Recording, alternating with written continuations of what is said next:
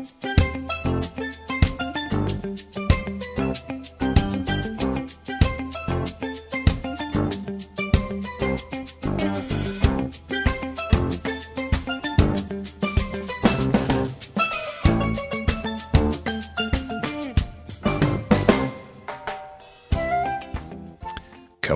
og velkommen her av Bitseland vi mer om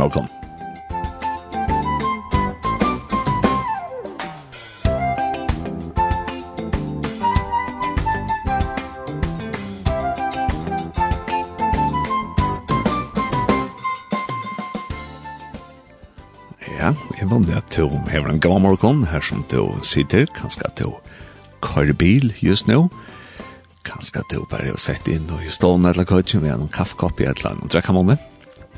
Og jeg var bare til først at njøta en den her morgonen, morgen, morgonen, morgenen, sjåta årene kommer først.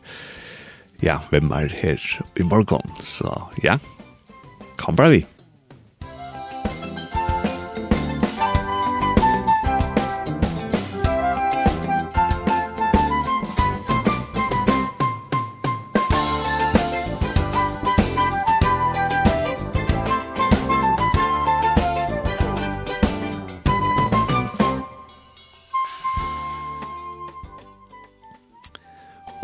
for jeg vet her var en tatt som vi kallar for Heims tøyende. Og hette er at vi lesa en kristna avvis, til å si at jeg har en forgjester, og jeg selv vil vite hva de sier en kristna avvis, og så vidtjer jeg vidt, jeg synes at Heimon grønnen som standa i tøy avvisene, og hette handlar bare om ja, kristendomshøys generelt om at la himmelen, og øsne kanskje om omkrar. avvisene, aktuella tvinda server som er nekvad høyra og kanskje ødlomilon. Og gestner kommer i morgon til å være Taura Vi Kjelte og Christian Gabrielsen og vi færre at eh, ta sakene gjør noen utfordringen til å vise noe som heter utfordringen og til så tableie som er fra 19. januar som vi færre at området Så kanskje hvis du helter utfordringen til den som gjør for så kan du lukke finne der til avvisene fram, og så kan du fylle vi ta vidt færre jøkken noen tarimiske søvner. Men dette var en spennende morgen, så ja, bare velkommen. Og ja, velkommen at uh, lese og høre avis sammen med jøkken.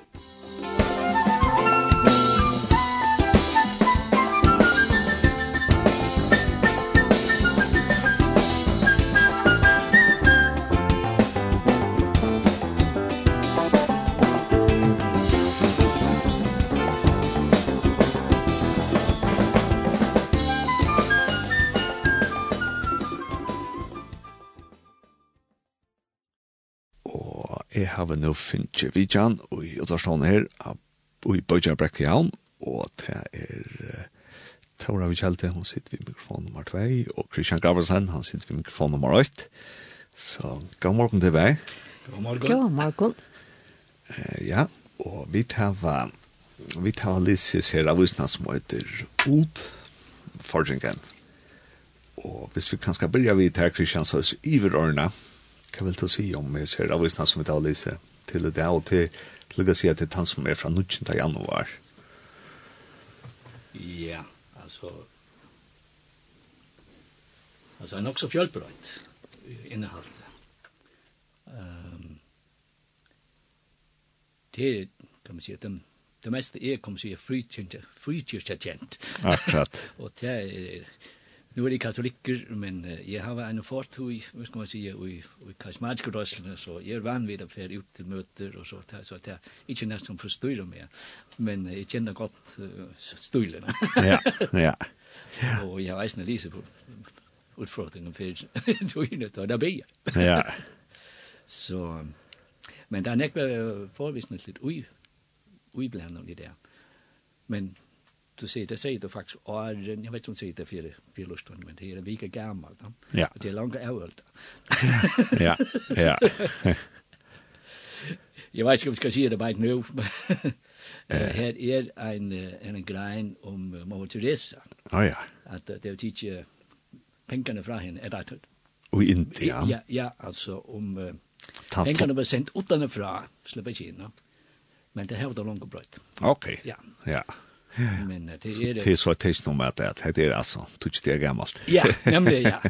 Men alltså att att det blev att det blev förbjudet så att det är tecken om att att det är krutch alltså vi religionskrutch och egentligen. Akkurat. Kon går ut inte så näck ganska givet kristen men det kommer komma ut av muslimer och och små folkgrupper som har kanske tagit räkna lite religion ute ja. omkring. Ja. Och det det det är Maja som sitter här. Ja, det är ja, det er hindur, men, men teist, det er politikerne, det er vel råa, og hina skulle bare akta. Nå, men det var bare det lutsi vi spring. Ja, ja, om, om, om at her er bundnar til tog ofta sånne aviser, ja. Ja. Uh, Taura Solis, iverørna, hva talte om innihalt i hese avvisene? Her er det nekv tilfær, halte jeg, og nekv som er av og verst, og vi kommer an til øsne fire Gjerandstein til Åkkon, halte jeg, kjølt om etter utlengst, kan vi säga. Og eh, øyne er det som, som Kristian er inne i, at det er fjellbrøyt, halte jeg. Jeg halte det er av og verst. Og så atter, minst vi da ta som det er fyrt, har vi da sitte her, at her er det nære spurningar som er kanskje sakne ut i føreska mila høymen noen.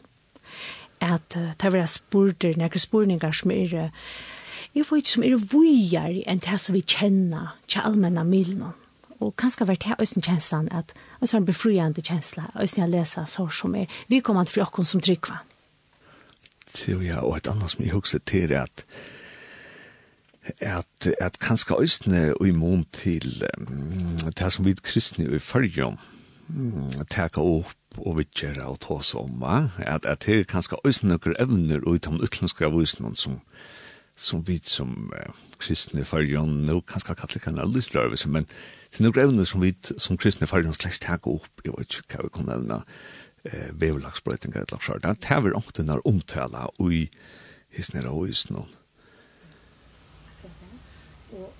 Iver høver, det som hever øsne, altså politiskan, ahoa, og øsne iver ut av etiska, at vi hava, jeg har sagt det derfor, at tjekkmentan fyrjon er nok så fatøk, og vi er ikke øyelig gøy til å løse evner fra imeskon sujon. Akkurat. Og det er en mangel at vi, og nå har vi Facebook her som nek vi okkar aldri møtast, og her blir vi gjener så øyelig djupar. Ja. Du først faktisk pålar, i stedet for at du har et rykt en rykka tjekmentan her som du forstod at si at det som du har på hjärsta og har vi motitje vi viring selv om man slett ikke er samter. Og det får de sakne i følgen. Begge det vi, vi, ja, som du nevner, verlagsbrøytingar og, og iverhøver, nå da vi er koppsetting, og vi, vi er til alt vi korona gjør, og, og nekva øyelig avavert, vi er skifter som vi ikke er samt om, men er det ikke bare avavert, er vi ikke er samt. Ja, ja, og ådeldommes LGBT plus plusevner, ja? ja. som slett ikke var området med den kristne forrige, mm -hmm. som hesa øysene ofte vil gjøre. Just det. Eh, Kristian, hvis vi takker, så er her vi det kom akkurat som valgt tvergrønner som synes ikke ordentlig spennende ut. Hva er den ene grønnen som du har valgt? Ja, den ene til hesten her er jo laknen her, Karsten Hansen. Det stender bruk for helhet i legekunsten. Og i verdisatleder i Tjötnun og hvis man hikker på det så um, ja, ja, nu lustan det här jag försöker ikke kommer till Lisa. Du spyr det om å lise på. ja? Nei, det er ikke, Det er ikke. Så du kan lugga kanske fortelle, oss nu kan Ja, så jeg må måste fortelle, hva kvätt det lutsen Um, uh, i stotten kan man si at han han uh, fullest er at, at uh, kan man si, moderne Lagnavisen, eh, också mer om, du kan börja liberera det här som eh, brek som er kommer då i, i människorna, utan också om det hela människa. Uh, och så tog han lut inte om att uh, nektiga sjukt, hur vi, vi det chest eh uh, vi får en gift in och så vidare.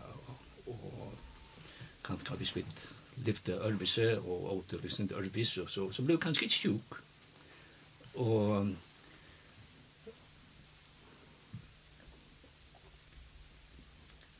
og at han det sier han i de gamle døven det er så lagt ned som mennesker som er heilt uh, og når man sier, hvis man leser alt i Jotman så sier jeg at det er alt rett som, så lagt som han sier men trublangen er at det mangler nok tog Hva vil det sige til hele mennesker?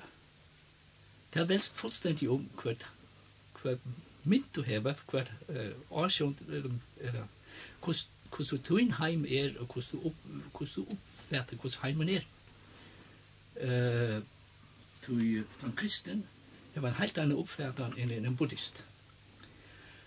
Uh, for vi er slett ikke tåse om, om New Age, Så.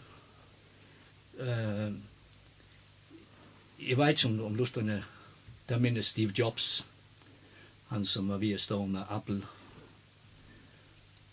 Han ble sjukker, han fikk krabbe, han døg jo. Han var buddhist.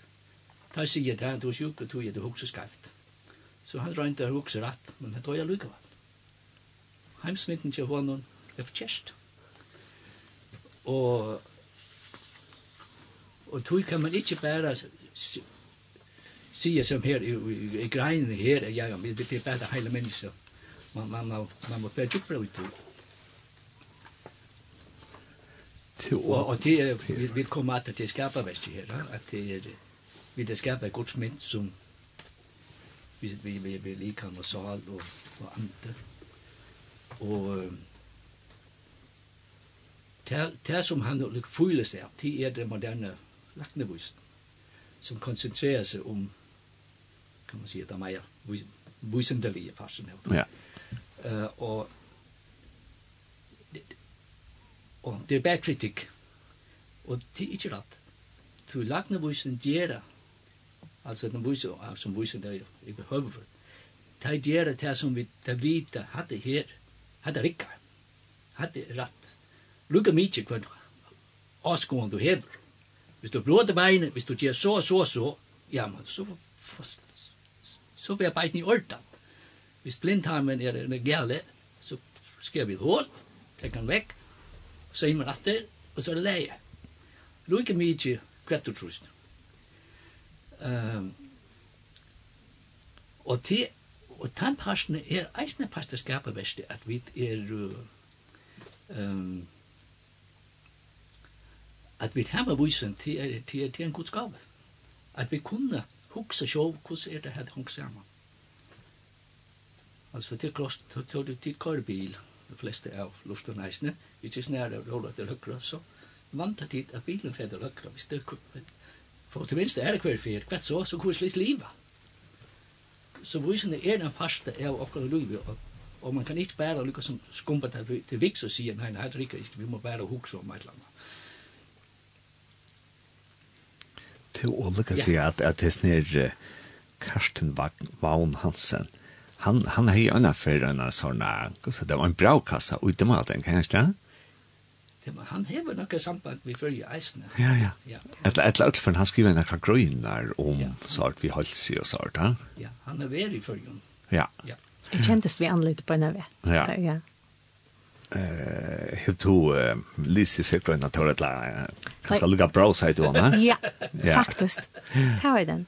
Jag helt det ont här som Christian sin nu. Alltså ordentligt avvärst och alltså öliga vi kommer till ösnen fyra dagsens samfälla. Är att vi nämligen är halt ett kvinna ser man vi. Jag vet inte om det vid och skil, men, men nästan det är att vi vi vet så öliga väl hur vi skulle leva sunt och sunnare hvis vi så høyde lakna visentna, og dutti at liva etter tog som vi vita, så høyde vi som holdt hafta beter som mennesker, og vi høyde vært, jeg vet ikke om man kan si det så, men vi høyde vært boligere for samfunnet i Østen. så, så det er, det er ordentlig avaverst, og, og det er akkurat den der holistiske menneskefædene som er ordentlig avavert. Og Østina for brek, brekhøymen også, at vi vi har en tilgang til mennesker, vi ser det som, som holdt, om vi som mangler parster av likhamnen, at vi så er i höll mennesker. Yeah. Det är rättliga vi kommer til. Og nei, nej, det har det. Och just innenfor vuxen. som man, som man hevder ser man. Ja. Jeg har alltid hej, lyssnar til som vi omtrent som Kristian är. Mm -hmm. Det er tanke, ok, Karsten Vaun, han må han være, må han være aktiv i frukyrkjemiljøet, tenkte jeg, ja. Og så følger jeg ikke noen grønne, så tenkte jeg akkurat hver man så sier akkurat om at, at kristendommen hever en vinkel til en sort holistisk menneske så inn. Mm -hmm. Men ta vinkelen kom slett ikke i krøyne. Jeg skal lese her, vi er avhver av at dette stender fire. Hva er det stå i Jo, jo, jo. Det sa jeg så at han er... Og så også er, ja, ok, så er det sikkert spæra. Ja, ja. ja. ja, så las, las jo piver at her stender at kronikker og leserbrevet uttrykker skribenternes holdning ikke nødvendigvis utfordringen. Så her er altså et... Uh, heter han kronikker som han har sendt inn til utforskningene, og ikke en grønn som de skriver. Og til å seg selv er øyne av avverst, halt jeg, at de måtte sagt løyva sårene. At de gjør, de gjør blæje brøyer av det samme. Så sier du det. Jeg var bila. Jeg la dunk. Ja, ja. Jeg halte det er mye avverst. Ja, ja. Så er det ikke sårene. Ja. Tunnel men eh någon fortäller hon stottla så det var alltså det vi vi tar vi det sjukt och det ta prova nästan kvart som helst. Och det här man ska säga det det och det här så kanske som du Christian säger att att alltså vi tar vetenskap vi tar några metoder han ska spara att de lever utlån men det var en vimmar som han han är mer han folk kina vi någon förläge och det blev så kan i som en pasta affär ne har en sjukhus han håller där Og han var så i kjøkkenen alle mulige kanninger. Og ta i dævren i livet, så kom han til han og sier at alt er ordan, men temperaturen av livet, han er for høver. Og han dachte til jeg vet ikke at jeg har sånn fyr. Så det neste at jeg så gjør det det var at jeg rotla i båren, og her var så et halvt lustforbruk av medisin til å halte temperaturen av leveren nye.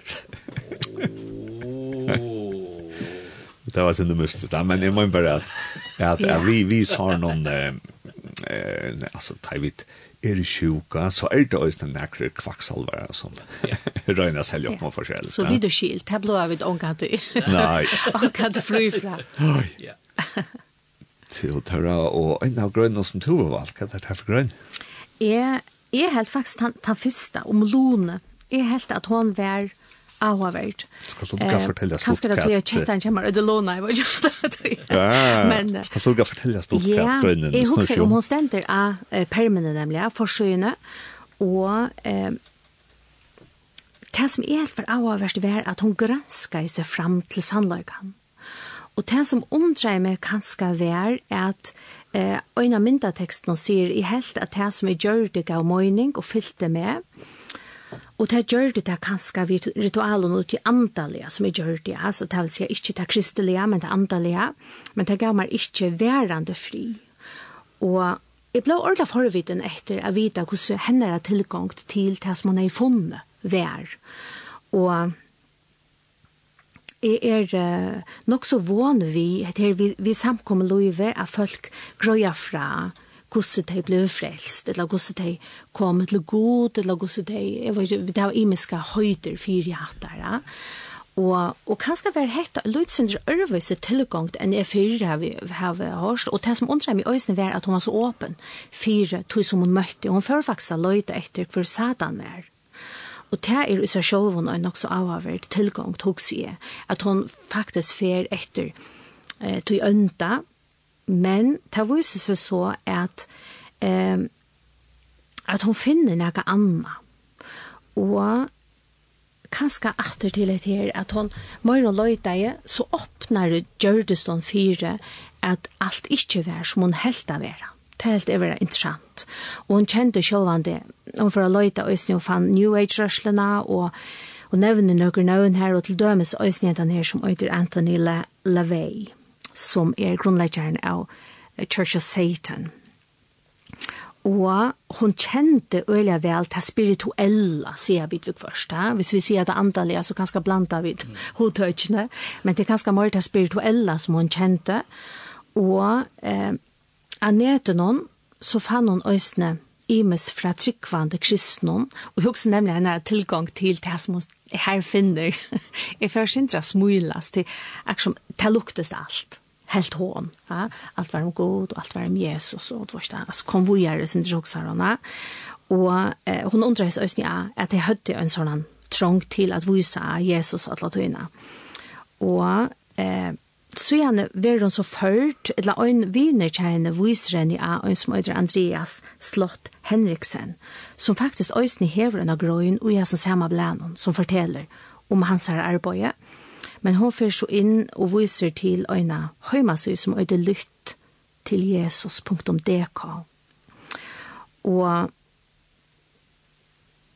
kanska tog som hon i byrjanene blei så tråkte av, vet vi Jesus og gode og et eller annet som de som er tryggvande frelst eller kristen, tryggva, så var det akkurat her som hon fann frien.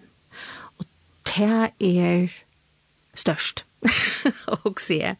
Och særlig at jeg tilgang den var at hun ville komme og kjenne Satan bättre eller lag. Vet du hur han var, så var det i et öllund löjtan etter Satan at hun fann Jesus. Og Det var så ikke nok vi at hun selv ble averska, men Øysen Kjeikren ta som nå er med avrennere. Øysen ble averska. Og kanskje um, sitter jeg etter vi en sånn kjenslig om at at det gjør mån Bæje til at vi sier hva vi trykva, selv om som vi halda det skal være privat, men det kan hjelpa nøkron, og så er også i øysymt han vinkelen at vi ikke Jeg halte vi tås om det sørst vi vølger, ikke si det bare innenfor dere ekne murer, og evangelisera, eller prædika, eller læra. At vi øysne doa a bruka milaner, som dømes her, som vi sitter morgon, at kanskje anker sitter og lort der, og, og og løyter, vi vet at det ligger nok så naturlig til menneskene å løyte etter omkron, men kanskje omkron løyter etter hesson i morgona, at vi doa flytakon som, som tryggvande, og at tørvener i samfunnet blir ørvøse som tøyen brøytest. Og det er avverst. Her er jeg sint på et nu, hvordan kunne vi gjøre det for at vinna teg som ikke kommer møte. det der, ja. Så hentan grønnen helt over avvært. Og, og kanskje sånn eh, befriende på en måte at det er en som sier fra sønne søve, øyelig ærlige, og at hon fann, hon, hon føler i øtlandførende, hon fann det som hun løyde etter.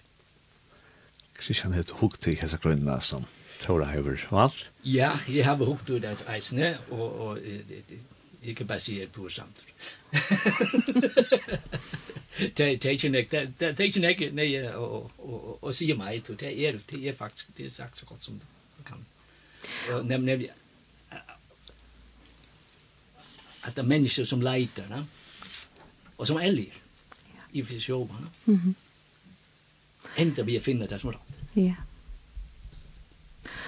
Og avverst halde er at alt det som vi kallar yoga, og det som skal seta sinne, eller gjeva sinne noen fri, at vi er kanskje åpnare for tog, som så det er seg vid, så hun sier kanskje som samfella, enn det som Bibelen kan gjeva. Og det er øyne av avverst halde er at vi helder vilja, kanskje New Age og yoga og alt anna enn bøn og god og Jesus. Det er jo som du sier, Tora, så er det lusent, hva skal man si, en serie, en serie og i Sneblanon om heter vi okkultisme og New Age. Mm -hmm. Og her er så, det kan lade for Oens profil, og til så er Andreas Slott Henriksen, som hever etter Lytli Jesus, og Her stender om han at mamma hans er, hon var praktiserende alternative behandlare, og hon var specialiseret i okkultisme fra Herestre, og, og hesten er Anders, han, han vil så ikke akkurat som fortsette den her arven som mamman heie, og mamma fikk en djupa depresjon, og, og hon dør så av medicin, og så har hun færre mot depresjon, og hesten er Andreas, han ble så kristen, og han hever så et hjerte for det, människan som är infänkare av New Age och så har någon okkultist, okkultistiskon.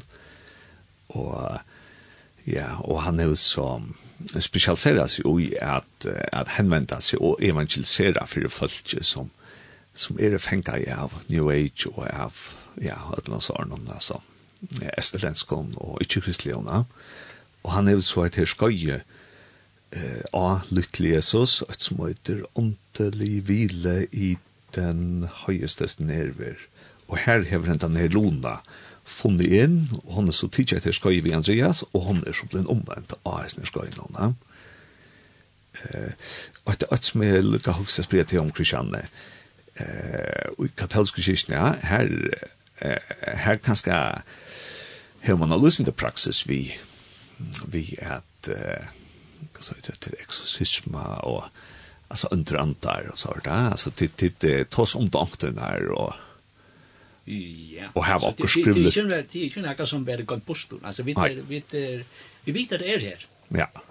Eh och det det är så läs att att det kvar i bispedömet då ska bisper peka en ut som ska tax out sort vi ett namn ton. Ja, ja. Så så visst när vi snackar er som så så så ska han taxa ut. Ja, det är ju snack som Peter Paul ska ska experimentera vi. Akkurat. Ja. Eh jag vet inte nick om det men en som en som är i Rom eh att han är det ju nu som är exorcist alltså fullt ut. Ehm han skriver böcker om om det så Men han sier han han han var jobbor og så har han en eh vad heter det psykolog eller psykopat eh ikke psykopat psykolog. Smiat. Allt i samstunds. Du du du inte du du det drejer om att sätta rette diagnosene. Er det något ilt eller er det bara något och och och och och och som som som som länar upp det jag förtrear og du må heve beitingene på plass. Her er alt det vi viser det. at det skal være beiting til arbeid sammen. Og grunnen er sjående at, at uh, symptomene er, er det, kan være det sånn. Ja? Akkurat, ja. Så hvis man er besett av en eller annen annan, så kan det lykkjast, kanskje man hever multiplar personligheter, etla, ja, ja. schizofreni, et eller etla, etla, etla, etla, etla, etla, etla, Ja, hvis du, altså folk som ikke tykker på Bibelen, det, der kan jo nemt bostad forklare alt disse her, et eller andet, som Jesus tror var gjort. Da. Du har lyst alt mulig annet. Men skal du til at du skal ha på vidt, så skal du være sikker på at du, det er en rettig diagnose, og at ikke annet kan være, være her. Så det, det er noe som vi det er ikke noe vi tås om daglig, slett ikke, man skal ta så lydt langt som mulig. Det er det är det det är det är lite osunt att bruka tui på. Vi ska bruka tui på det som är gott. Det som är gott, ja, och det som ja. Men men är också törra tas man ser nu va och i tui miljoner här som är färdigt och tas jag hemma och känner och frukostnar här tas har varit nästan slett i som sort. Det var inte kostar jag bröd nu. Det är as vi först eh ja. Her ønsker bare så så og jeg halte at, at jeg har i mine samkommeløyve hørst fløyre fer, nemlig vanten vi at, at leta sinne opp til alt. At det er, det er øyelig viktig hva vi fytler oss nå, og det sier Paulus og Østene, ja, at vet, alt som godt er, alt som ja, velver tale om, og så at um, jeg halte ikke at vi har noen øyta fyrir at nega ønt kommer etter okken, eller nega sort, ha, ikke. Men, men, alt tui eitja til at løyta etter tui gaua, og etter en karlagsfodlon gode, og en som skiler okken. Og kanska, eh, jeg hugsi er øysne som samfella, at man hever viring fire, at det er salarlige sjuker, at man ikke fyr inn og blandar alt mulig saman. Det kan øysne være vant vi tog at uh, sjølt om vi bia god om a grua, så gjør han det ikke alltid. Og han gjør det ofta, ikke på så som vi tuksa det. At vi uh, kanskje ikke heller for å blanda saman til, til unta og så trobløkene som vi tar. Og vi lever jo i fall noen høyme, det sier Bibelen. At det er nekvar årsøkjer til at vi tar det som vi tar det.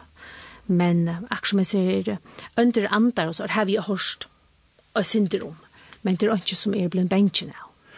Men jeg husker, altså, da vi snakker om Østens mystikk og så New Age, ja, det kan være, det kan være tarotkort, det kan være, hva sier det, glaset som flyter seg, det kan være så som sen, yoga, det kan være tryggvattstøyner, eller krystaller, hava, godomliga kraft, altså til nekk sånne ting, ja, som er rettelig populært i Ørland London. Men her også er kanskje, og derfor han ølja eh, bevost inn og og vitcher det snær Andreas eh, Slott Hendriksen och jeg ser som et litet så sa Mm. at kus kus kan ska mer som är vit och i först kan samkomne och på att det er sånne ting här ute. Just det.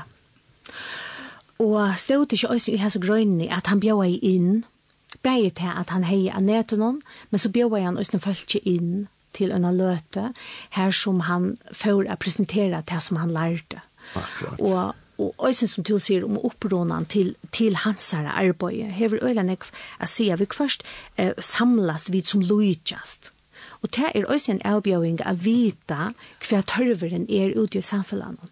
At hvis man selv ikke hever nek vi New Age, eller akkurat det som du nevnte å gjøre, så kanskje er man også blinder for hva tørveren er. At... Uh, til øyla godt at vi er i imisk, og at han ser en tørv og fyrir etter tøy, det er ikke alt som sutja da så med tørvene. Og han doer så også at arbeida vittu, som du også sier, Kristian, at det er ikke øyne kvør som kan gjøre alt. Det er ganske også at bæg til at, at man ser møvelager, men også kjenner sine egna avmerkninger, dette kommer til det spirituelle.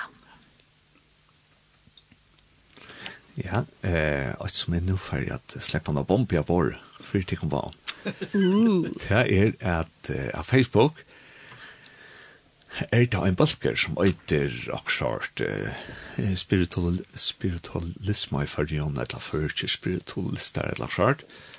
Og heter, og ta meg noen, hva så heter, AH-evnen heter, og her er, her er gjerne 400-500 folk inne, altså 400-500 føringer inne, og de venter tar rattkort, tar, tar rattkort, tar de har healing sessioner, de, um, de gjør en rikve og sånn, de praktiserer en rikve av, av uh, estelensk mystikk og, uh, og New Age-aktivitetene, av førskånd av internett nå. Um, ja, Då borde du ha sagt är. Ja. nej, nej, nej. Nu får vi det kanna. Jag minns Sherlock och Spatskron, men... Nej. Men ja, jeg var rettelig sjokker av det, ja, så jeg kan fire ganger så og, og nå snakker vi altså om ganske en fulldrag føringer som jeg var inne her, og det som øyne undrer meg at nå, nå kom jeg nok så mye, og jeg tog jeg på Jølundene, ja, til det at, at noen folk som i øyne har sendt til møter og sånt, øyne er aktive inne her. Så det er ganske en avsatter uh, verløy, som et lakken kristne i fargen, at det er faktisk folk i fargen som får oss vi eh, alltså spirituella aktiviteterna. Mm. Og i öllum förrän hevda undra med är vi pura vanligt i förrän lysa vi yogatøymon til dømes. Og vi vet vel at det er imiskjer som det er rørsler, men tar vi ta så om yoga, så, så er det nega som øsne fyr inn, etla gjer nega vi okon, tar vi eh, praktisera det, og, og kanskje øye det nemlig at, at at vera et nekst større ekko og i munnen sinne det er suttet til og jeg var i døsni at at onkra sendingar hava vidgjørst akkurat han han hotten er praktisera det er spirituella så at det er mykje avverst Hitt du noen tankar om yoga, Christian? Ja, altså, jeg, jeg, jeg vet jo hva yoga er.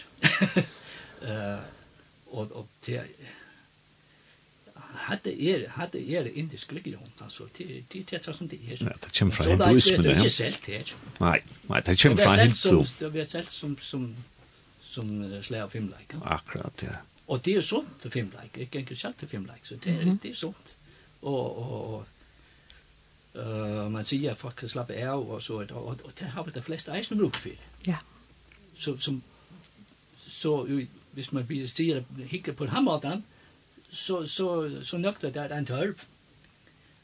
Men de fleste glemmer at, at det, det, det er det, det, det, det antallet spirituelle at den fire eh som eh som arbeider vi og, og jeg vet ikke jeg, jeg, jeg, jeg, jeg, har, jeg, jeg vet ikke jeg vet ikke nok om det til at jeg kan si og hvordan og så videre men men men men ändamålet vi yoga det det är ju det är ju det det är inte inte religion. Ja, ja. Det är det att du ska fira upp jont. Ja, hinduismen, va? Du ska ja, röna att lösa salarna. Ja, du fra kroppen, va? Ja, du du du du lujing och så vidare. Det är allt det som höjer till att luva till och det ska man lösa, det ska man släppa bostur ur. Ehm, vi vill eisne vi vi vill eisne lögner som som kristen att slippa bort ur lujum og så videre, men vi gjør bare ikke på den måten. Vi, vi røyner ikke å slippe bort ur men vi okkara okkara okkara er fyrir inn ut i og, og, og luisa kærleikten i døgn tui. Det er det som Jesus gjør til krossen. Men så er det der, for hvor fer faktisk så, altså, det er vel tog at det er ikke bedre, for det finner ikke bedre. Og kanskje er det av å komme vidt at til å søvne om, om forsø i søvna. Lone. At ja, at hun fer at løyde etter nøkron. Og, og akkurat som du sier, at vi vil finne vidt om vi omkron. Yeah. Vi, vi er løydende yeah. verer. Og jeg husker bare om visse låna ikke har funnet lyttelig Jesus.dk eller, eller omkran annan som fortalte henne om eh, hadde sett noen krøv til åkken alltid. Og hver fall av vise dem at dette er en møveløyke som gjør mening for mennesker. Sjøen det er opp til hver nøyeste hva de vilja, men jeg var ikke nok så avverst at Lona fann. Hun, hun løyde slett ikke etter som hun fann.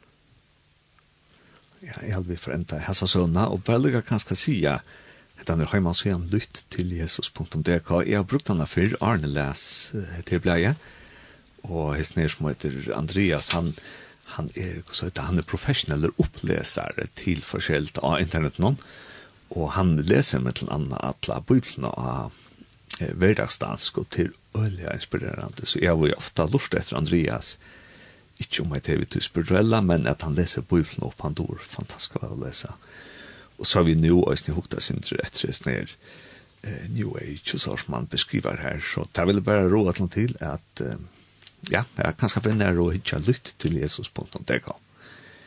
Eh, Kristian, hvis vi færre at til løy, så tar han 17. søvann som to, eller grøynen som to særlig jeg hever lyse. Ja, det er det man skal finne råd. Ja, ja. Forstå din barnestatus. Hadde er funnkrein om at vi er gods barn, og, uh, og, og uh, det som ligger ut i er at den, den beinleis ertgång til god, og den beinleis, kan man si, allit til god som vi kan hava. Ofta når gjerne kan. Vi skulle ikke gjøre noe. God er her. God ferie okkara er her. Lykke mykje. Her, det er han som kallar her, han er her og vi er som bøten som her var, som sier, gå foreldre, så, så, så vet vi kan komme til det, lukka mye kvært. Eisen, det er man just noe bort da. Så kommer komme til at det er, at det er noe grenser, det er ikke, det er ikke gardiner mittlen. Og det er utrolig godt. Uh, men eisen her, det er alt godt, men, men det som, eller som er han mangler också. Så var han mot att ämne och skrive en grej, ja. men men vi vi är er inte bättre på tui tui botten en arbeidsleis, no? Ta vi lever som kristen, så er vi ute i en gjerning til sted her som det er folk og ting rundt om okkom, som avvisker okkom, og som vi må ta støv til, og hvis vi kunne gjerne, vi må gjerne kvitte hvis det er nøy, da det kunne bøten ikke. Det, det er bare vaksen folk som kunne gjøre det. Og tog er, er er det at vi er bøten til, til rett, men, men vi må eisne vende det hin på henne, sier vi. Um, som bøten, så er vi så, så leis som vi er beinlagt i og fyrir god. Men tar vi vende det rundt og fyrir ut i verden, så er det i grunden vit som er god i og fyrir verden. Vi er, vi er, alt som vi gjør, alt som vi sier, ta vittne om god. Og hvis vi gjør det godt, så jobber det. Og hvis vi gjør det ytla, så kan det være fåre folk til å komme til, til god. Da. Uh, det, det er jo ikke simpel måte å si det på. Men, men uh, det er bare å si at det greiene sier mangler du ikke hensyn av. Um, Uh, Nu vet jeg om det lust litt antakten i år. det var eisen, ja. Vi kjører på noe? Ja, Nå, det var det jo, ja, ja, ja, ja. Nei, nei, men hok som lustene kanskje. Og som var tidsen opp for en ferdig hest, så det var ikke vi tanke om jeg skulle være her i det her. Og det tok opp her, her som Jesus, her som da han er 12 år gammal i templen. Han blev han blev ärende sen och och och vi plejer sig att Josef och Maria och Jesus det var vi katolska det heliga familje. Men det var Luisa Kinker och så her, og du det var det hva gjør du det hur så kom du gjort här mot det, og kunde bare bli postel. Eh det som jag var värd her, Jesus fikk jo en fantastisk upplevelse her, og Han opplever knappt hva pappa hans er. Men han var ikke vaksen. Han var teenager. Tonåringar. Och det här ju beinleis här som det är. Beint framme för det här som det er rett. Og det er rett. Men, men, men så glömmer det allt det som det andra skulle görs. Han glömmer att han skulle nok sagt föräldrarna fra. och så vet och vi er, det var det var evne vi og sin andakten at vi, vi, vi er som kristen her, vi er tannangar, vi er ikke ordentlig vaksen inn, vi er heller ikke bøtt, men vi er angst midt i midtelen. og det skal vi um, det som vi det, det det som vi sier, det som vi gjør vi regner å gjøre det godt og, og vi regner å få god jobb til det. Men vi må eisne råkne vi at at uh, andre mennesker suttje kanskje nøk ting som vi kan kanskje ikke gjøre så vel. Men, som, det var ikke meningen, men det, vi er bare ikke ordentlig vaksen inn. Ok, det var kanskje litt synd vi så inn her, men... Nei, nei, nei, det er spennende Kristiana, og kanskje selja, jeg vet ikke om jeg er tiltøra, men men kanskje vi det nok lunda oppvaksen som tradisjon, og det er alt spennende å høre Kristian alltid til han. Ja. han har alltid omkrar vujar vinklar. Godt vi åkna si det her, Ja. Så det var ett tankfärd nu för vi kött vi är som en helt omkring stort här med märkning till dessa grönna som Christian säger att Lars går bare fra på ut ut den neste nok sin tog där fra från. Ja, och bara lucka ta kan det treien opp her som han sier at vi där fyra minuter att Jeg blev vi ofte og kjett av at høyre nemlig at folk gjevast av løyde etter tog kristna, tog det suttja okkon som er tryggvant. At hatta vilja det så i ødlomføren og ikke hva vi er gjøre og, og det er ordentlig trist, halde jeg, at, og kanskje, jeg vet ikke, jeg vilja at jeg fyrir løyda sjølve, og brukte bøyplene, og ikke endelig, jeg vet ikke, det er også vann alt å si, ikke gjør råk, og du vet det er virkmenter, og vi skulle også være, vil jeg også gjøre myrska høymno, men, men at folk er lykka alt torde, at, at bevega seg ut av eh, det andalige kristna, Det her er så utrolig, altså det er et hev av nøye og karløyga, altså, å finne. Det er folk som løyda etter omkron å fylla seg vi. Så kanskje er det her hovedkjent for jokken som trykker. Mm. Så tar du åt han neste grønn som du valgt for det? Eh, jeg helt av flere var i av der. Jeg før kanskje eh, kanskje lykke fortelle jeg leser seg klommene. Mm veldig kjøtt. Og jeg helt altså, øyelig, jeg hukte ikke for det i skrivene, Erne begynte jeg å lese. og så ble vi så øyelig hodtidsen av som før skulle være noen, og, og sier, og så søtta var en frusk mynd av bruk av, av danskeren.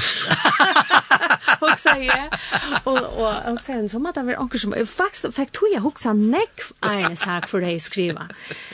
Og, og det er så Jens Arena som hun skriver, øyne, klomme og i her, som er helt vera avavert, tog hon sier mer neka om okkara nåtture og om verarna som er i fjöllene under följen som visar vi, her som Jens vil være vi, eller han ser man bare høyla i andan vi, hver er det som viser okkon vi i okkara gerandsteget, og han kommer øysni, for øysni at hukse om at her som Paul Skjærani har sagt om værer som vera sett her som der ikke øye er standa. Øyla av har vært myndtalt i at, at faktisk er det negre værer som er villøyende, og kanskje passer øysni til det pratet som vi da haft om morgen. Hver er det som vi løyta, og hver væron er det vi færre etter, og øysni hovedkjande for åkken er vi ikke bytja værer her som der ikkje øya standa. Mm eh, tann, klumman helt det vera auavert og øysne til som han skriver i etterskriftene, at det var en som var blevet vekk i fjøtlen, og det kom øtna, og han ble kalder, og så får han fyri at varva i det hitan i kroppen, at teka vera nyer og bytja han opp etter og teka nyer og bytja han opp etter og på tannmatan så helt han kroppsi, så skilt i eta, at det var en sånn etterskrift om at at bytja verar og kanska halta halda loiv ui, tui som vid trykva og ære. Aua verst helt det, men, men det som jeg i hoa kom inn av var øyne etter kjølbåten arbeid. Her var en skrift om mercy ships, yeah. som var aua verst halvt jeg, og så er det kvosse vid som sjålvande er av sjukrihusskip, som sykler fra land til land, og vid, vid oss som har vært vi her, som kjenner til arbeidet, og tann vinkelen som er i hesegrøynene var avhverd, tog at det hever vært en sending til høytvei om dette arbeidet, som sjåvande er bygd av et andalit arbeid. Det er en kristne fellesskaper, men det som de har vært sinter gåen hos å spyrre inn til er, hvor tann vinkelen ikke vil tidsin vi og i sendingene. At faktisk være det lust som sjålbøy arbeid, som ødel kunne komme inn og være parster av. Og så er det en som øyde Vibeke Hauge Førestal, som uttalar sig som är dansk i elskriven till Mercy Ships. Och hon lyser nämligen ett här som är helt för avvärst. Det är att öll kunde i grunden vara vi. Det är att rekrytera så att vi kunde göra något gott i Öron London. Och hon helt kanska att det var lika nevnt att presentera arbete för det Istället för att börja vi att säga att det var en kristna fällskaper. Och det sier kanskje også nægge om hvordan åpen vi er det for kanskje for som stekker det på en av hvis de vet at at det er et andalet arbeid, eller Kristi det Bidger av det, og jeg snart som øyde Peter Ingemann, som vi også kjenner, han er også i førjon og kjørst okra sendinger, han er ordentlig avaverder. Og han sier nemlig at han ble så øyelig av hodtidgjene av høa støyene, og ta min eldsalen, så var det parster av til fellesskapene. Og, og det er sjåan heter skipet som er dronning Ingrid, som øyder Afrika Mercy nu. Og jeg bøyde særlig mest til at her vi at rekruttera av kjølbåtene økene. At det er avverst og hvordan gjør vi det? Og det kjente sjående fra meg. til Ja, altså det er akkurat det. Som sjående er en avhefter fellesskaper, men det er at rekruttera til kjølbåt i arbeid, her skal uh, jeg vet ikke endelig om det skal snilde til, men i ødlomføren skal det gjøre møyning for de som blir parster av det, og at det skulle komme inn i en fellesskap som fungerer nok så vel. De skulle nok så kjøtt finne okra relasjoner som de kunne bygge vujere av, og, og så er det her vi at, at, at hava avskan av arbeidet sjolver, og finna motivasjon å gjøre det som man gjør og kanskje i hæsson arbeid noen å få så nekv, og isne faglig, eh, faglig høyt inn i arbeid, hever tøytning. Ja, det er det jeg bruker for sjukkasser, som ja, lagt noen ratografen. Akkurat det, at, uh, og det er fantastisk arbeid som det gjør. Så det er helt evig avverst, og jeg har ikke hukt etter, jeg har ikke sett sendingene. Lest du hesa grønne, Kristian? Ja, ja. Ja, og jeg... Altså... Men da, men da, vel, altså... Altså, det sier ser det på den måten, altså... man man man måste huksa. ja, ja, så hvordan kus nu kus kan man det så? Og... og um, Jeg jag kommer också, nu, nu kommer vi til till motorresa her, nu kommer att jeg, jeg kjenner flere, som fann ut för jag jobbar motorresa tog hun gjør det godt. Men ikke for det antallet. Det da kom bare for jobb og, og gjør noen. Da. Og, men det hendte nok. Um, en som kjenner vel, eller som jeg kommer kjenner vel, uh, kom heim etter og etter lenge tog, så endte hun vi at gjøre et heim for, for, for heimleis og så Hun var nesten ensom etter om. Mm Hon fick onka stubben näkstan, alltså officiellt. Det var allt, allt i bön. Och pengarna det kom bara liksom det, och folk kom och jobbade och så vidare. Och det blir vi mot det. Och det kan gott vara, det kan vara onkan annan som färdig möjlighet bara för att jobba och, och jobba till det. Och så, så uppdelade jag att jag Just det. Og det er jo nämligen det som vi sier, altså, vi, hvordan kunne vi uh, pjøve folk inn uten det. Och den där stod där bort. Ja, det var bara en väg kvälla dig vid ett Ja, ja, ja. Kvälla dig vid det andra länder, det kan man se. Men det var bara en att följa dig vi först. Jo, jo, vi var akkurat korrekt. Ja. Du, där där där kunde vi nämligen sagt när det är det är du vet här en ex som som är främmande för för för folk som inte inte inte har näka vi vi vi kristendom och det. Och det kan bli förvirrligt va. För tajmarna.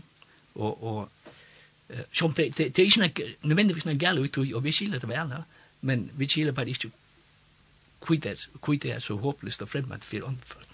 Akkurat. Så vi tar det som så fyllt. Mhm. Just det. Annars har vi en avdeling av mercy ships för Jon. Mm til Jan Peter Johansen som er setter som parstøyer kunnigar folk og tøy, Mercy Ship førjer, og, og jeg hentet ned grønnen hun øyde så at Mercy Ships har bruk for flere volontører, jeg vet ikke om det var sagt og men til tøy at uh, altså man hever et herskip som øyder Afrika Mercy, ja? Mm -hmm. Ja, og så er man akkurat nå vi at Leotjera og et nekstørre skip, spilte noe skip, som heter Global Mercy, det ligger i uh, i dag Rotterdam alt det var gjort liot og verer altså det var sett ut av kjekven i alt det første april i lett laksjørt og det krever sjåan til at hei skulle ha dobbelt snakka volontører til nå av det tvei skip. Og jeg hadde jo snett her som heter Global Mercy at henne større så er det ganske bruk for enda flere folk og kanskje en avhøydan til Førngar til, til nekker Førngar som er lagt ned i kyrkasistrar og sjån at man hever et hospitalskip, har man også bruk for maskinmasteren, skiparen, dekkaren og så videre, ja. At til og med at jeg kontakta Jan Peter Johansen, et la Mercy Ships følger av Facebook, og så kan man melda seg til til, ja. Kanska utskriva vi här så läser jag en tur en ordentlig tunnebok som jag läser vikskiften och som öjter hvordan nåa vid höjmen, Achter. Og tannbøtjen lyser eh, altså, det som er ångt og føler er at vi vi prætika så nekv. det er så nevnt på øymada, which det er ikke nevnt for ødel, men nevnt at standa en tellerstall og sier hvordan vi skulle leva og hvordan vi skulle. Men hvis vi velja innskja at noa høymen, så skal det nemlig gjerast i kjøkkenen hattar. De skulle sutja nægina ui praksis. Kan man praksis det er at, at vi kan ska för oss till vi schon shuffle förrion. at vi här va ta antaliga så nær, og nekv som er tryggvande, ja. Men det ska vi ses det verste. Ja. Och jag är för att tacka för, för att det kommer imorgon till för att färdla kött har vi sida så. eh, Luka är med att det var ett inlägg shower. så det var det vi Uh, Vi har fått kjolpbøyen som en denne grønne snusjon i Mercy Ships, og tør å snakke sin drøm at at vi mekt som ikke er en kristelig fellesskap, men også at fellesskaper her skulle det østene nek kjolpbøyen. Og her i Lindene har vi det østene nek kjolpbøyen folk, og jeg har kanna sinter om løslig av kjolpbøyen. Og her kommer til, og gjør noen forskjell som jeg har lyst, at det som er viktig, det er til å engasjere kjolpbøyen, det er at alle tunner tåsar om endamålet vi tog her på en man gjør. Til øyelig ofte her i lintene til dem, er samskipare, så har vi øyelig nekk vi er som hver tekker hesa sendisene, hver tekniker her, og hver gjør hattar, og minstla vaske opp, og det var ikke det så praktisk da. Men her sier den granskingen som jeg har funnet, at at ta ut til er folk som arbeider selvbøye, så får de ikke løn, men til å si at de arbeider for en hakker søk og, og at akkurat som at ta er kanskje djeve på ut um, hvor vil teka hesa tversendingene her i neste at det er så øyne minnes til å si at takk for det store arbeidet til Gjera vi er at Gjera Jesus kjent han. Et la hver vil, kanskje ta i orda, hver vil være vidt til å brøye båtskapen ut og gjøre noen disse tversendingene som er neste. Ja? At man, at man tårer som samskipare at tåsa til akkurat som det hakra malet, og ikke bare blir praktisk. Så det var et godt råd. Det var det som helst lov i Limafellene under meg. Det er nemlig akkurat sætjen, det som er. Ja, men ofte glemmer vi det. Han vil bli så praktisk og glemmer som er til en grunn til at han melder seg inn. det kan godt være, ja. Så jeg får takke dere for det, og nå får jeg atre spille en sang vi sangprøver, og det er det som jeg får spille nå, det er etter Han gav livet noen inn i alt.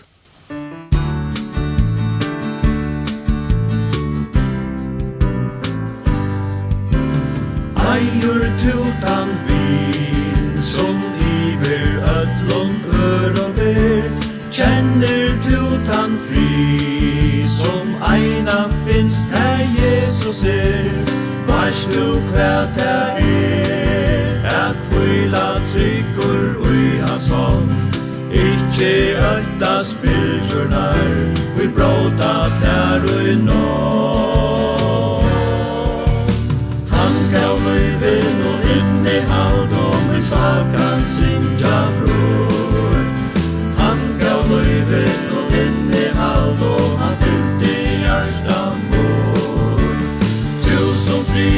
Visor fjakkar og månkan ut vi suttjar kan Kom og gjev tut hjärsta tut lui til frälsara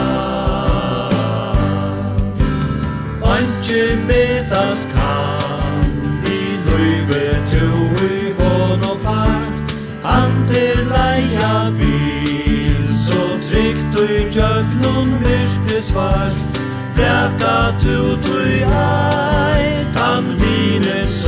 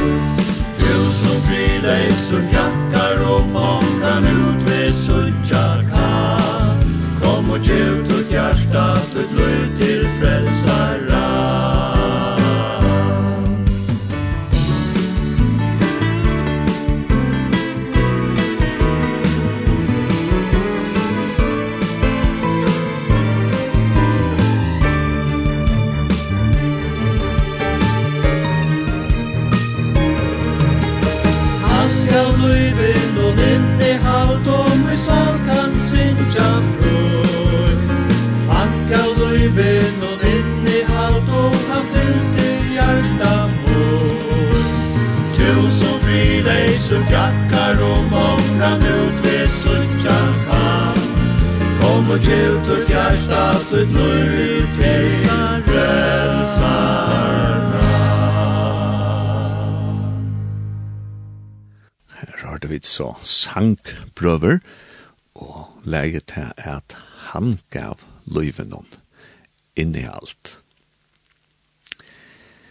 Ja, i atle jeg lykke at uh, lesa det kom et sart sitat som jeg har vi her og det er um, ja, så det er en som heter Helle Viftrup Kristensen og hon er lærare av Børskop Haskola i Danmark og hon med sier så leis at god djever okkon nekv fløyre kreativar krefter enn ter som vi brukar til daglet.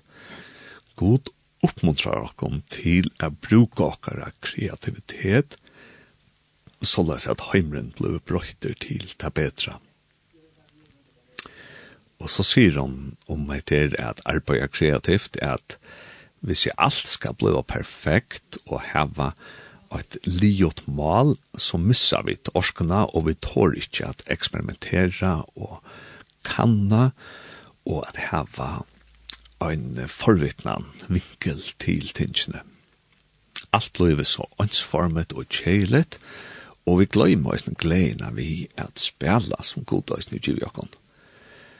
Og ja, og at det ikke utan tilvilt at jeg leser etter, eh, tror jeg at jeg alltid at at vi i samkommer, vi doa ganske ytla er bruka kreativ evner til Eh, og det er seg motsegende, til annars hever kristendommen vært kjenter, og ja, så flere tusen år, fire til dømes målningalist, at øylen er for go målningalist til kristen målningalist.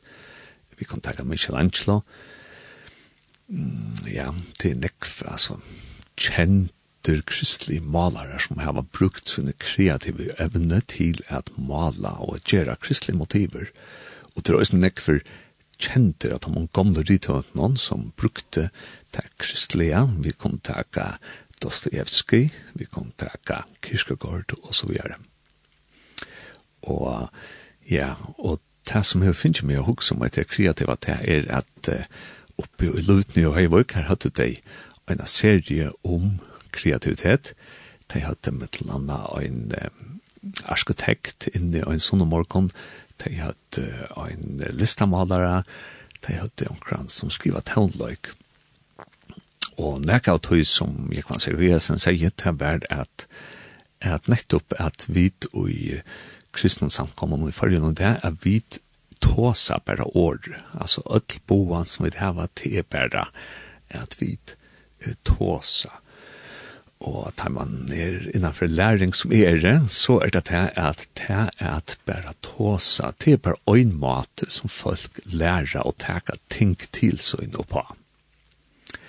Og hvis man ordentlig skal gjøre folk sin ega godt, så skal man bruka nekv møyre enn bare at tåsa i året. Og jeg vil huksa, vi tava nekra listamalere, og det er jo fargen som maler utelukkande kanskje kristelig motiver, Vi kom til å Gunnar Støtter og Øye, og hvor er det kanskje ikke samkomma som gjør en framsøgning ved henne av målningen, som har vært øye kristelige motiver, hvor er det ikke samkomma som teker målningen kjenne inn og hever en framsøgning, kanskje uttøya folk ferda inn til morgenmøte eller godstannaste, at det er så øyne suttja, når det er sånne fantastiske mynden å kjenne. Et la kvira kanskje ikke kristen som gjør en lista installasjon, ut i gønnsene, hvor brukar vi ikke fløyre hatter enn bare at det taler i året. Og hvis vi snakker om ungfolk i det, så hittar det i øljene kvetter smavån video for at vi at ta oisne våre nøkker kristne folk som gjør det nøkker videobråt og brukte tannmilen. Og ja, og ta jeg vil huksa nek for meg til, så har vi øyne hoksa kanska at um, de folk som er ordentlig interessera i og isar noen kreativ, de er kanska ikke sånn nekv i samkave. Og tog har vi hoksa at, ja, men så kan Linden som er tvørkirkelig, så kan hon kanska være at han hopper, sier man eskon, altså det er samlingspunkt, her som kreativ folk og imenskon samkommer, kan komme saman og gjøre akkurat kreativt saman. Og enda mal er sjåan til at brøya påskapen om Jesus og Guds rujtje ut til alle føringar.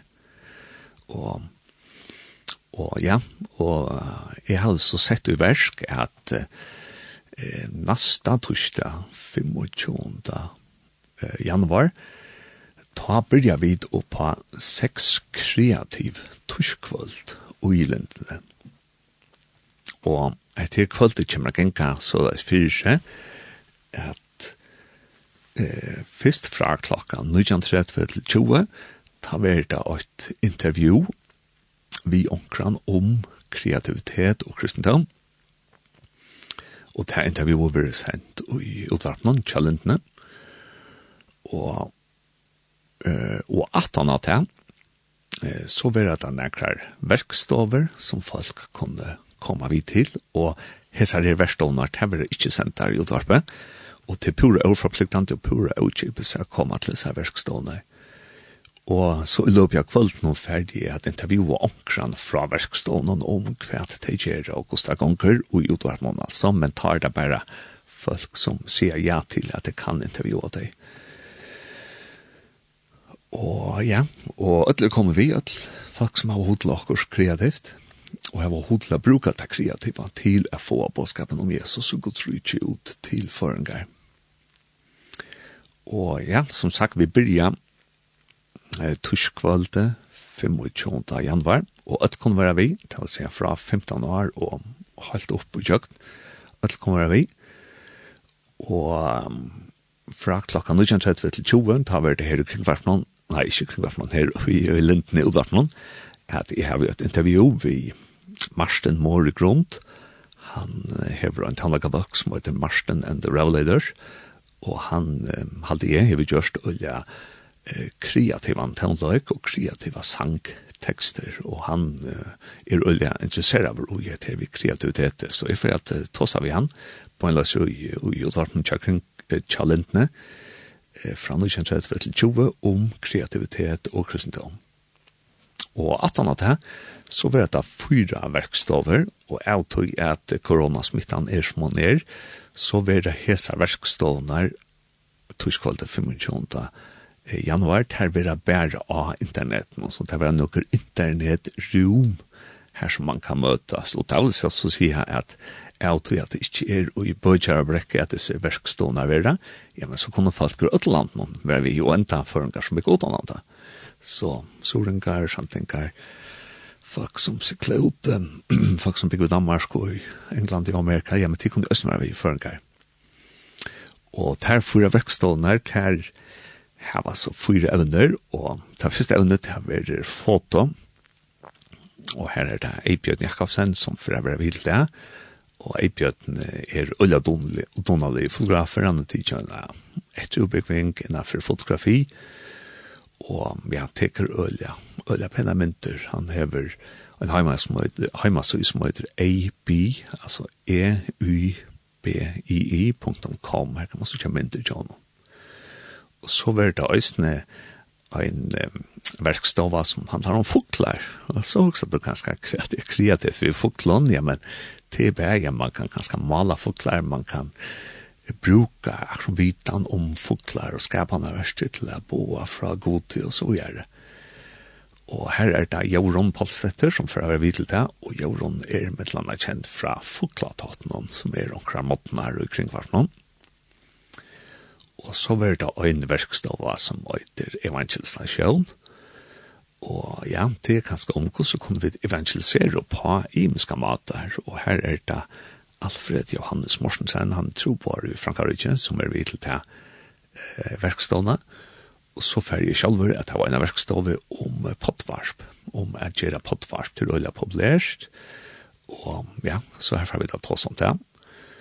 Og hver av sin verkstående, der byrja vi at det skjer arbeidde personene, tar spyrja tvær spurningar, den første spurningen til er kvært vårs du om det evne som tog over valgt til dem som foto, Så jeg bjød han for å spørre hva vars du om foto og kanskje hva rønter hever du vi foto.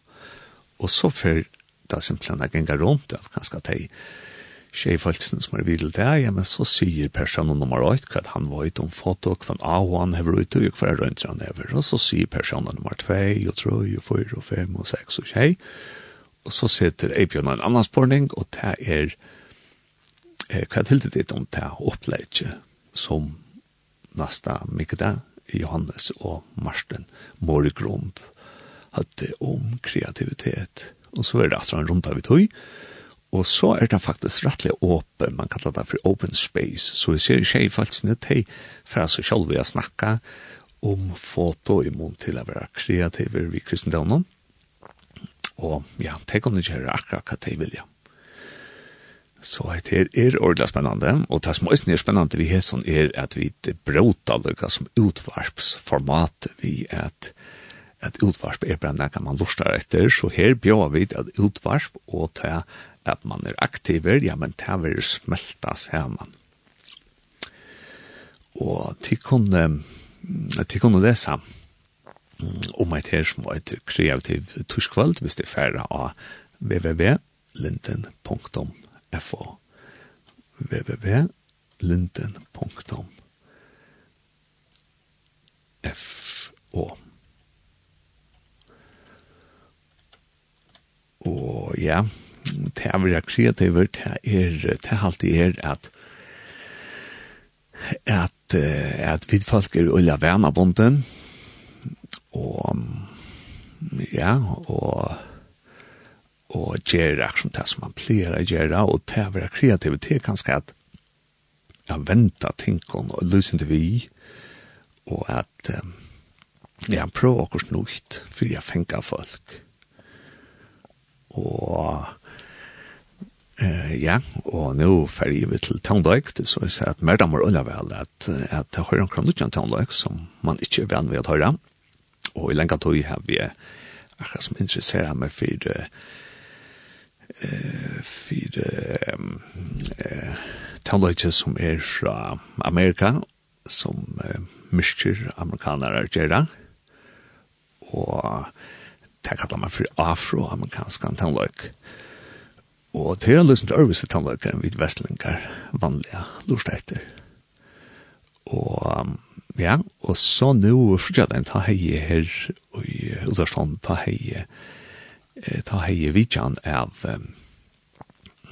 ta hei vidjan av Elisabeth Paulsen et øyla godt intervju som jeg hei vi henne om det kom til fra lort etter og heima sin kjølendene og ja, og hon presenterer så firmar og en afrikanskan en afrikanskan eh,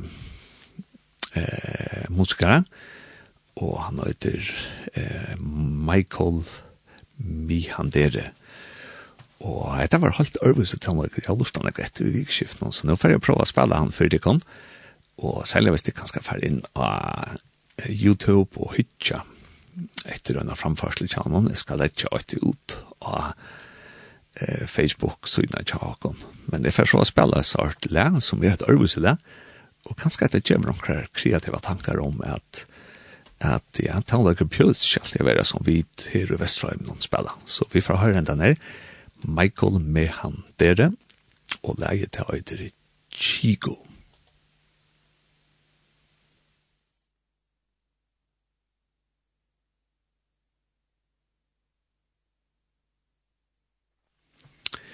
Nå, nå kom sånn chill til. Skal vi prøve her.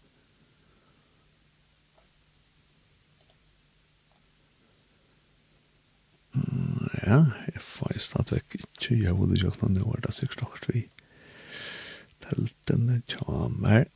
Jeg skal kanskje køre her, for det kommer ordentlig her sikkert.